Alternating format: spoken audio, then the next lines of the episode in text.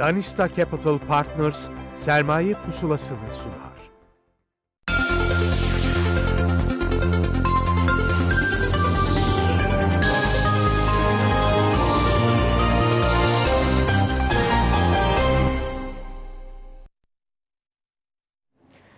Çarşamba 13'te olduğu gibi sermaye pusulasından merhaba diyelim. Kurumsal finansman alternatiflerini bu programda ele almaya çalışıyoruz ve bir yandan da globalde büyümek isteyen şirketlerin stratejilerini konuşuyoruz.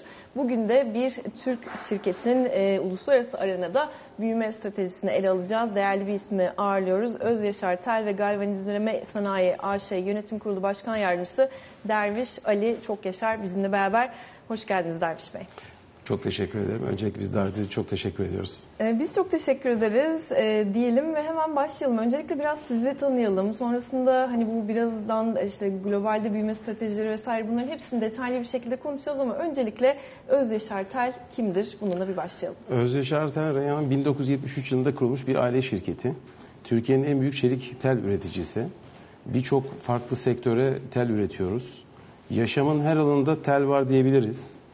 Ee, bir zamanında tarım sektörü olarak kuruluşumuz e, olmuş. Daha sonra zaman içerisinde işte otomotiv, enerji, e, mobilya, e, çevre güvenlik sistemleri, ambalaj, bütün bu sektörleri, inşaat, bütün bu sektörleri üretimlerini yapabiliyoruz. Vizyonumuz çok geniş. Büyümeye devam ediyoruz. Aşağı yukarı e, yarım asırlık bir tecrübemiz var. 80 ülkeye ihracat yapıyoruz. Bine yakın bir e, istihdam sağlıyoruz. E, Türkiye'de ve dünyadaki e, tel sektörüne en iyi şekilde hizmet vermeye çalışıyoruz. Evet yani istihdam tarafında, ihracat tarafında e, hani büyük rakamlardan bahsettiniz. Peki yaptığınız işin ve sürecini e, birazcık bizimle paylaşabilir misiniz acaba? Nasıl işliyor tam olarak? Yani bizim e, Türkiye'de 3 e, artı e, yurt dışında bir tane fabrikamız var. Türkiye'deki fabrikalar bölgesel. Bir tanesi Adana'da, bir tanesi İstanbul'da, bir diğeri de Düzce'de. E, en son fabrikamızda da Arnavutluğa kurduk. E, bu dört lokasyonda üretim yapıyoruz. E, son dönemde verimliliği artırmak adına bu dört fabrikalarımızı ihtisaslaştırdık kendi konularında. Yaklaşık 280 bin ton tel kapasitemiz var. Ee, biz ne yapıyoruz? Ee, filmaşin, ham maddemiz filmaşin. Kangal bir demir alıyoruz. Bunu e, çekerek inceltiyoruz. Daha sonra tavlama yapıyoruz. Moleküler yapısını değiştiriyoruz telin. Ee, ondan sonra da çinko kaplıyoruz. Bu çinko korozyona ve aşınmaya karşı telin ömrünü uzatıyor. Ee, aslında bizim ürettiğimiz ürün yarı bir mamul. Ee, fakat bütün bu demin bahsettiğim sektörlere bu yarı mamulleri veriyoruz. Ee, kendimiz final olarak da binalar, yollar yapıldıkça e, etrafını çevirdiğimiz hudutlarda, sınırlarda e, kullanılan çevre e, güvenlik sistemleri dediğimiz kaynaklı bir tel üretiyoruz. E, onun dışında halat üretiyoruz. Bu halatlar e, e, kayak merkezlerinde, e, efendime söyleyeyim asansör hatlarında kullanılıyor. E, onun dışında yatak sektörüne tel üretiyoruz. Yatağın içindeki yaylar e, da kullanılıyor. E, çok yani yaşamın dediğim gibi her alanda tel var. Evet yani yaşamın her alanında var. Dolayısıyla e, hani bu kadar e, yani yaşamın her alanında olduğu için talep de yüksektir gibi duruyor ve hani e, bir sektör belki sıkıntıya, sekteye uğrayınca belki hani alternatif yapmanız, diğer sektöre geçmeniz daha avantajlı bir durum oluyor. Şimdi buyurun. Genelde yani bu kadar çok sektörü barındıran bir şey yok ama dediğim gibi yarım asırlık bir tecrübe var. Biz bunların hepsini yapabiliyoruz. Anladım. Burada sizin yani manevra alanınız e, daha kuvvetli gibi duruyor. Peki şimdi e, büyüme stratejisini belirlerken, büyüme yaparken yatırım yaptığınız e, sektörleri nasıl seçtiniz? Yani bir deneyimden bahsettiniz ama sonuçta hani bir planlama da ihtiyaç duyulan bir durum. İş süreçleri bu anlamda, iş planlaması nasıl gelişti? Biz 1973 yılında şirketimiz tarım sektörüne tel üretmek üzere kurulmuş. Daha sonra tarım tabii mevsimsel bir iş. Biz ikinci kuşak olarak 12 ay çalışabileceğimiz endüstriyel sektörlere sektörlere hedef aldık. Ve bu şekilde sanayiye yüzümüzü döndük. Ee, sizin gidiş yönünüz dünyanın gidiş yönüyle, sektörün gidiş yönüyle aynı olmazsa geri kalıyorsunuz. Evet. Geri kalırsanız da büyüme sağlayamıyorsunuz. Ee, biz şuna inandık. Ee, telin e, üzerine koyacağımız katma değerler yüksek olsun ki gelişebilelim. Ee, bu anlamda akıllı üretimleri seçtik. Ee, bunun için e, bir ERP'ye ihtiyaç vardı. Dijital dönüşümümüzü gerçekleştirdik. Ee, şu anda iş süreçlerimizde ERP sistemimizi kullanıyoruz. Ee, markaya girer mi bilmiyorum SAP kullanıyoruz. Evet. Ee, Dolayısıyla e, daha katma değerli teller üretmek için e, bu yolu seçtik. Yani katma değerli üretim zaten hani Türkiye'nin şu an çok ihtiyacı olan bir, e, bir Evet. basamak. Özellikle ihracat tarafında ki siz hani işin ihracat tarafında da yer aldığınız için katma değerli bir şekilde teknolojiyi de kullanarak üretim yapıyorsunuz ve iş planlamanızı belirlerken de dikkat ettiğiniz unsurlardan biri buydu anladığım Evet. kadarıyla. Başka maddeler var mı peki? Yani yola çıkarken işte şunlara dikkat ettik gibi. Çünkü mesela ham madde dediniz, e, bir ham maddeden bahsettiniz. E, Burada hani fiyatlar değişebiliyor, farklı e, dinamikler oluşabiliyor. Mesela o gibi durumlara karşı planlama yaparken kendinizi nasıl koruma altına alıyorsunuz? Vallahi çok değişken şeyler var. Ee, e, iş hayatı şu anda çok zor. Ee, biz e, bu dediğim gibi katma değerli ürünlere geçmek, e, nitelikli ürünleri yapmak zorundayız. E, aksi halde e, her e, ülke kapasitesini artırıyor, büyüyor.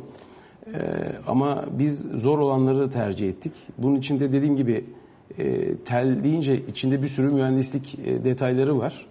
E, ama bunu yaparken de bu akıllı üretimi yaparken de mutlaka iyi bir ERP ihtiyacınız var. E, bu uzun ince bir yoldu.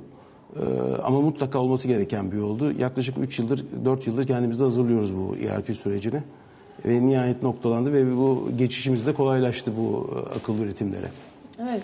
Peki son yıllarda e, nasıl değişimler var? Çünkü dünya çok büyük e, bir Covid e, dönüşümünden geçti. Evet. O bütün herkesi etkiledi. Ukrayna-Rusya savaşı patlak verdi. Bir taraftan işte Orta Doğu'da yaşanan e, tansiyon yüksekliği vesaire bunlar var. Ve tabii hani e, globalleşme de sorgulanıyor son birkaç yıldır. Dolayısıyla acaba bütün bunlarda siz kendinizi nasıl konumlandırıyorsunuz? Bu gibi e, sıkıntılara karşı nasıl stratejiler belirliyorsunuz? Aslında Reyhan Hanım 2019 yılında Türkiye'de başlayan e, iç daralma ve faizlerin yüksekliği daha sonra Covid'in gelmesi e, dünyada bir durgunluğa sebebiyet verdi.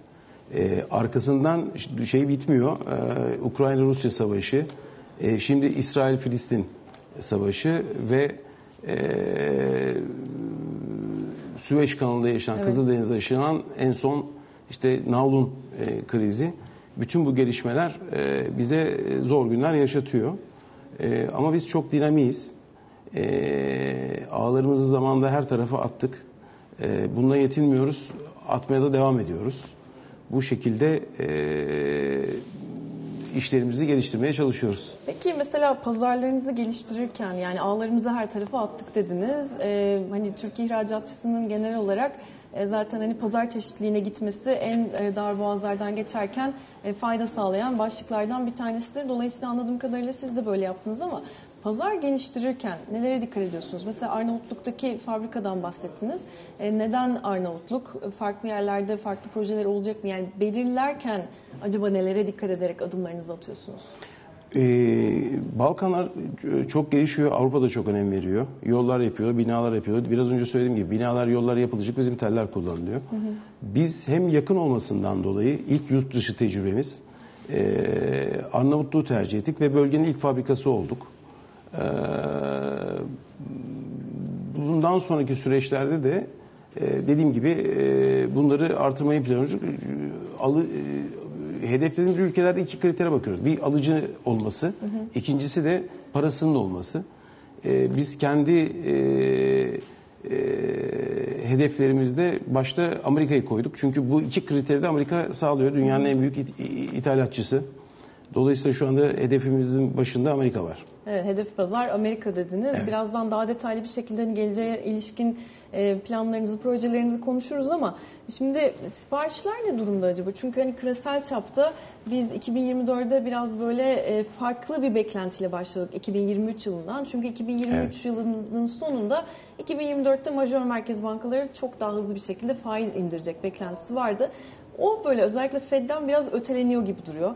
Ekonomilerde yumuşak iniş mi olacak, işte Avrupa'da resesyon olacak mı vesaire derken ya siz Amerika pazarından örnek verdiğiniz için merak ediyorum. Oradan gelen talep yani küreseldeki talep şu anda ne durumda?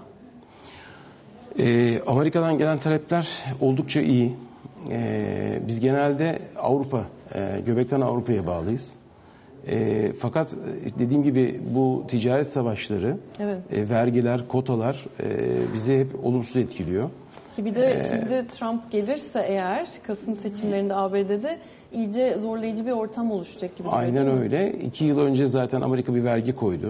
Ee, Daha sonra Amerika'ya mal satamayacak e, olanlar bizim ülkemize gelip Avrupa'yı e, kastediyorum. Bizim ülkemize gelip e, bizim yerli sanayimizi bozacak diye Avrupa kota koydu bizim tel ürünlerine. E, tabii her geçen gün ihracat zorlaşıyor.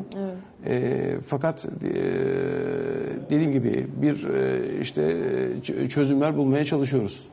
Evet, e, şimdi hani yurt dışında e, potansiyel olarak yavaşlama ihtimali olan e, küresel ekonomi var. E, talep ne olacak vesaire bu bir durum. Tarifeler dediniz bu çok önemli ama bir de iç dinamiklere bakalım. Bir sanayici olarak siz Türkiye ekonomisini nasıl değerlendiriyorsunuz acaba? Uygulanan sıkı para politikası, yüksek faiz e, ve daralan iç piyasa bize zor günler yaşatıyor. E, açıkçası biraz önce bahsettiğim yüksek faiz, yüksek işçilik, e, enflasyondaki kaynaklı girdi maliyetlerindeki değişiklikler bizim e, iş e, almamızı e, zorlaştırıyor. İhracatta rekabetimizi zorlaştırıyor. Ee, inşallah en yakın zamanda bu enflasyon, kur ve faiz e, belli bir dengeye oturur ve tekrar eski e, ayarlarımıza döneriz diye düşünüyoruz. Evet yani e, daralan bir iç piyasa var dediniz. E, faizin maliyetinin yüksek olduğu bir ortamdan geçiyoruz ve işte enflasyon kaynaklı olarak da girdi maliyetlerinde bir Evet. yükseliş var. Peki bunun e, hani finansman ayağında nasıl çözümler, nasıl alternatifler siz e, burada büyümeye çalışırken işlerinizi e, yolunda gitmesini sağlamaya çalışırken nasıl alternatiflerden yararlanıyorsunuz acaba? Hanım, sanayicilikte, sanayicilik refah sabır işi. E, mutlaka uzun vadeli ve ucuz kaynaklı e, imkanlar bulmamız lazım ki yatırım yapalım. Ülkenin de yatırıma ihtiyacı var. E, biz hem yurt dışı e, finansman alternatiflerini inceliyoruz. Hem yurt içindeki finansman alternatifleri inceliyoruz. Sermaye piyasalarını inceliyoruz. Halka arz gibi. E, yatırım yapmak için uzun vade ve ucuz kaynak şart. Ama maalesef şu anda e, Türkiye'de e, bu kaynaklar şu anda e, yok. Onun içinde biraz Faiz daha çok hani- yüksek. Evet, bu faizlerle de yatırım yapmak çok zor. O yüzden hani bu noktada biraz daha yurt dışı e, finansman ayağını mı değerlendiriyorsunuz? Evet, onları da inceliyoruz, araştırıyoruz şu anda. Evet, onlar e, biraz daha Yurt dışında- göre yani nasıl avantajları var mesela şu anda? E şimdi yurt dışında faiz çok düşük Türkiye'ye nazaran. İkinci olarak da uzun vade var. E, uzun vade olduğu zaman sanayici daha e, cesaretli davranabiliyor. Türkiye'deki vadeler çok kısa.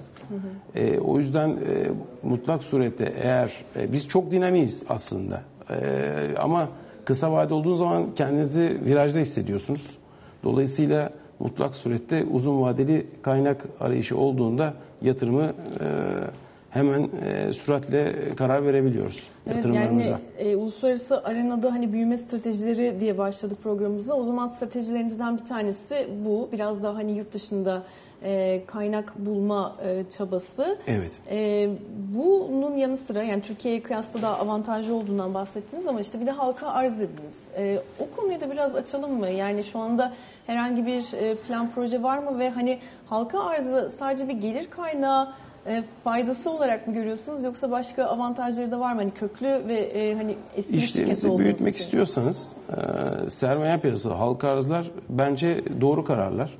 E, çünkü faizsiz bir para get- para geliyor ve bu faiz para bereket getirecektir. İşlerinizi büyütmede karar vermenizde çok e, kolaylık sağlayacaktır. Dolayısıyla bence herkesin düşünmesi gereken bir alternatif diye düşünüyorum. Evet başka var mı e, strateji herhangi bir e, plan dediğimiz zaman işte hani finansman ayağında özellikle sizin e, avantajlı bulduğunuz biraz daha hani sanayiciyi rahatlatabilen e, alternatifler masada var mı? Valla inşallah e, biz bugüne kadar olan yatırımları hep uzun vadeli kaynaklar kullanarak yaptık. E, çünkü dediğim gibi yani kısa vadeli kullandığınız zaman kendinizi korku içinde hissediyorsunuz. Türkiye'de anlık değişimler yaşanan bir ülke maalesef. E, dolayısıyla e, bu alternatif mutlaka olması lazım. Zaman zaman oluyor Türkiye'de ama zaman zaman şu anda maalesef yok. O yüzden de yatırımlar şu anda durmuş vaziyette diye e, düşünüyoruz. Peki e, tünelin sonunda ışık var mı sizce? İnşallah olacak. Seçim zamanlama, var. e, Seçim yani var. zamanlama sizin için hani tünelin sonunda ışık olacaksa ne zaman e, sizin kafanızdaki takvim nedir? Yani seçim sonrası mı yoksa biraz daha gelecek yıl Bütün mı? iş alemi şu anda seçim sonrasına odaklanmış vaziyette. Seçimden sonra işte bir beklenti var. Ee, güven problemi var. Şu güven olayının mutlaka olması lazım. Dolayısıyla seçimden sonra bunların biteceğini düşünüyoruz. İnşallah hükümetimiz e, gerekli adımlar atacaktır diye düşünüyoruz. Sanayicilerin e, yolunu açacaktır veya bir yol gösterecektir diye düşünüyoruz. Evet. Ee, inşallah e, seçimden sonra her şey normalleşir diye bekliyoruz. Yani seçim sonrasına dair biraz daha aslında e, hani sıkılaşma politikalarının da vites arttırmasına dair e, bir beklenti var. Bu durum sizi nasıl etkileyebilir? Yani tam olarak beklentiniz ne aslında? Ya zor bir dönemden geçiyoruz. Evet, bütün dünya ama Türkiye'nin ayrıca zorlukları var. Ee, e, mutlaka faizin inmesi lazım. Ülkenin yatırıma ihtiyacı var. Bu yüksek faizlerle kimse yatırım yapmaz. Ee, seçimden sonra e, tahmin ediyorum ki e, veya enflasyonu indirdikten sonra mutlaka bir e, adım atılacaktır diye düşünüyoruz. Evet, e, bu arada tabii bir taraftan da e, hani sınırda karbon düzenlemesi geçtiğimiz yıl 1 Ekim itibarıyla pilot süreç başladı. Evet. Sizin sektörünüzü nasıl etkiliyor ve hani buna karşı bir hazırlığınız var mı? Çünkü o da aslında hani o süreç de yine e, finansman gerektiren bir süreç. Dolayısıyla hani oradaki çalışmalar nasıl acaba? Yani 2026'da devreye girecek karbon ayak izi sürdürülebilirlik adına eee, kullandığımız enerjileri yeşil enerjiye dönüştürmeye e, çalışıyoruz. Eee tabii bunun için e, yine finansman ihtiyacı var. Evet. Eee, biz e, fabrikalarımızın çatılarını güneş enerjisine çevirdik. Eee, bu bir adımdı. Eee, 2023 başında başladık karbon ayak izini takip etmeye. Eee, 2024 ve 2025'te arzulanan noktaya gelmek istiyoruz. E, tabii sadece fabrikalarımızın bizim çatıları bize yetmiyor. E, mutlaka e, kullandığımız enerjiyi yeşil enerjiye veya yenilenebilir enerjiye dönmek zorundayız. İşte bunun için e, ilk adımlarımızdan bir tanesi bu olacak zaten. E, bunun için işte e, kaynak arıyoruz. Bu yatırımları yapabilelim diye. Peki mesela bu yeşil e, finansman dediğimiz zaman e, Türkiye'de de hani maliyetler yüksek olmasına rağmen biraz daha en azından öncelik tanınan çünkü hani bu dönüşümün önemsendiği e, bir bir tablo var. Yurt dışında nasıl acaba? Yani aynı ayrım var mı? Siz hani yurt dışından da kaynak aradığınız için Ya bu merak kuralları, bu karbon ayak izi bunları Avrupa ve işte Amerika Birleşik Devletleri gibi gelişmiş ülkeler koyuyor. evet. Ee, aslında ki buradaki amaç e, kendi e, iç piyasalarındaki kendi yerel sanayicilerini korumak adına bunu yapıyor. Yani biraz yine orada globalizasyondan lokalizasyona, Lokalizasyona geçiş, geçiş var. Ee, ben öyle görüyorum e, en azından. Ee, ticaret her geçen gün zorlaşıyor. Herkes işte e, bu globalizasyon dediğim gibi küreselleşme e, yerini yerelleşmeye, lokalizasyona doğru bırakıyor diye düşünüyoruz bilmiyorum. Evet. Ee, Şimdi bir de son olarak e, sizin şirketinizin hedeflerinden, vizyonundan da biraz bahsedelim. Ee, Aslında ilk pazar, e, öncelik pazarımız Amerika Birleşik Devletleri dediniz. Ee, Onun dışında hani vizyon ve hedef dersek neler söylersiniz? Biz kendimize şöyle bir hedef koyduk Reyhan Hanım. Biz dünyanın en büyük üç tel fabrikasından biri olacağız hedefini koyduk. İnşallah bu yolda da ilerliyoruz. Rakiplerimizi, küresel rakiplerimizi çok iyi izliyoruz. E, çok büyük e, tel fabrikaları var. İnşallah biz bu yolda ilerliyoruz. E, dediğim gibi şöyle bir vizyonumuz var. E, e, bu ticaret savaşları, vergiler ve kotaların daha da artacağını düşünüyoruz biz önümüzdeki süreçlerde. Ee, biz hangi ülkenin tele ihtiyacı var ise o, o ülkede o teli üretip kendi pazarlarını satmak gibi bir vizyonumuz var. İnşallah Yani işte üretimi de orada yapalım ve o ve pazarlara o pazarlara e, sunalım gibi. E, vallahi işte bununla ilgili fırsatları değerlendiriyoruz, araştırıyoruz. Dediğim gibi e, mevcutla yetinmiyoruz. E, Evet. Çalışıyoruz. Çok çok teşekkür ediyoruz. Ağzınıza, ayağınıza sağlık. Sermaye Pusulası'nın bugünkü konu Öz Yaşar Tel ve Galvanizleme Sanayi AŞ Yönetim Kurulu Başkan Yardımcısı Derviş Ali Çok Yaşar'dı. Programımızı noktalıyoruz. 14.45'te seans notlarında yeniden görüşmek üzere. Hoşçakalın.